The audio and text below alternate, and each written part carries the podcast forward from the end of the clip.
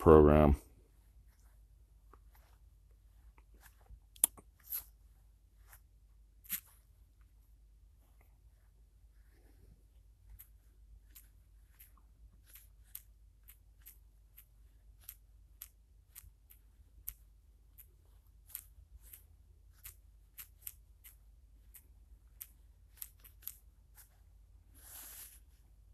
Oh yeah.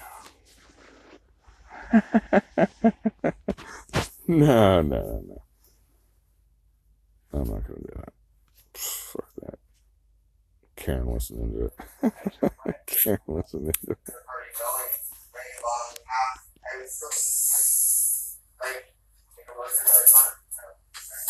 Oh, rigorously honest. How about rigorously deceptive? Hmm.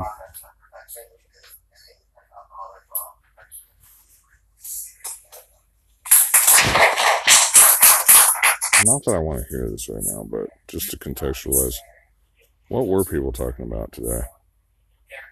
Because I got fucking livid, dude, but I, I decided to go sarcastic. And I didn't care how it smelled. So, uh, so I, I need, I wanted to make a great, uh, speaker, an interesting story.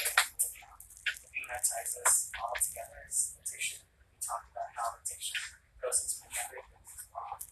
You know, for me, it does. I have to be watchful. It's not just because I'm staying sober that I'm just it's not there. Uh, it's there. It, it does feed into other things. So, in therapy too, you know, I that, that this is my opinion, but it's been super helpful for me to have outside help. It has been so helpful for me because the thing that I drank over was I didn't want to talk about what was really going on. I did not want to talk about the health was doing such. Like I just didn't. So by having these meetings, sitting here, and then also taking outside help, really taking it to understand what is going on, one day at a time been super helpful. So I'm really glad I got to learn and be able to do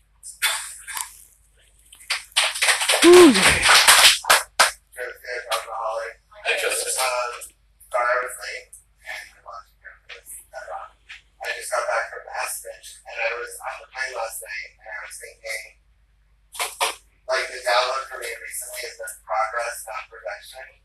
And I think as alcoholic, my thinking is just I have these expectations. And I have expectations of getting sober and earning money for me in recovery has been challenging. And I shared about that before. But yet I was in Aspen. I don't really have a lot of financial resources right now. But yet I was with all of these people and it's like having a very sober New Year's Eve with like my chef, my house, and my team. You know, it's like I still want to see like money. It's like not money for me when I get people and stuff like I'm having I'm living the life that I want. Like I have a luxury that I don't have to pay for it. Most people. And it's not like free. Like, They actually want me to be. Like trolled them all so fucking version hard. of me that uh,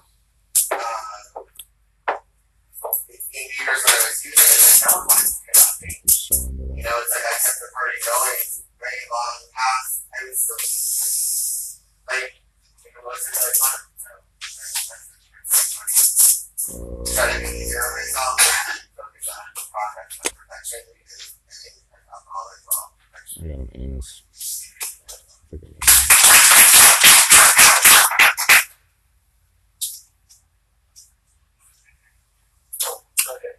Michael. Um, I'm a CSR and I'm a member of this program.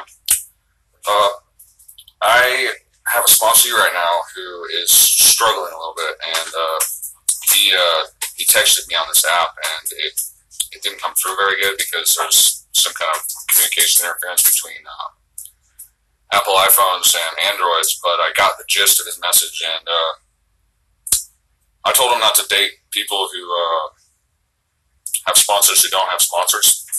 But apparently he uh, didn't take my, you know, non-credentialed advice, and uh, he got himself embroiled in some kind of emotional difficulty, and he's like, he's uh, he's not doing doing too good right now. So I hope that people will keep him in your prayers, unless you have someone else more important to pray about. And uh, I wanted to read this passage of the book real quick because a sponsor I once had, or I think someone else's sponsor said, read, I think it was 76, 77, 78. But, you know, I thought maybe I'd read this page because it's 74. And it says, Notwithstanding the great necessity for discussing ourselves with someone, it may be one, it may be one is so situated that there is no suitable person available. This is about the fifth scene. If that is so, this step may be postponed. Only, however, if we hold ourselves in complete readiness. And then it goes on. And uh, the same sponsee, previously in public, we uh, communicated with our voices. And he, she said that he had some resentments while he was still a she about modal tenses and perfect future tenses. And I was like, what is that? So I looked it up. And then some of this language is permission based, like it may be one. Oh, not right there, actually. That's like a future or something. It may be one is so situated, which is like a hypothetical. But if that is so, this step may be postponed. So I wonder if this author is giving myself permission to postpone fifth step. But what would that involve? Would that be some kind of omniscience or cognition of grammar and future and modal tenses? Also, I mean, if I'm in fear right now and I'm about to run away from a pink elephant because I feel like I'm so far underwater right now and I'm just running in place, but my feet are stuck in like marshmallow. Maybe one is so situated, which is like a hypothetical.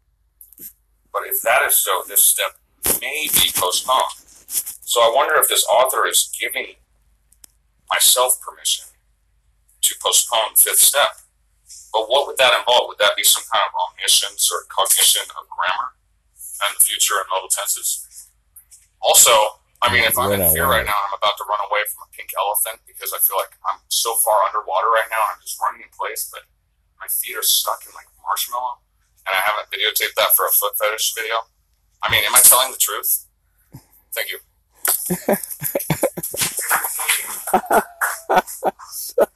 so funny. I sponsor myself. I sponsor myself. this is what happens when you sponsor yourself. I'm Lana Del Taco and I'm crying right now. this is what happens when you sponsor yourself. Ah.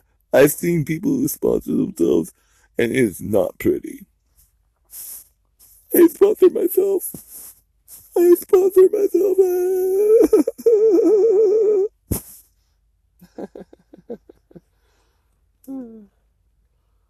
oh god, yeah.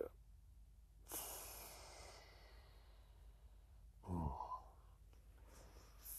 right, I'm just gonna press stop. I have to cope with my disability, and then I'm gonna call this a sponsor myself or ism.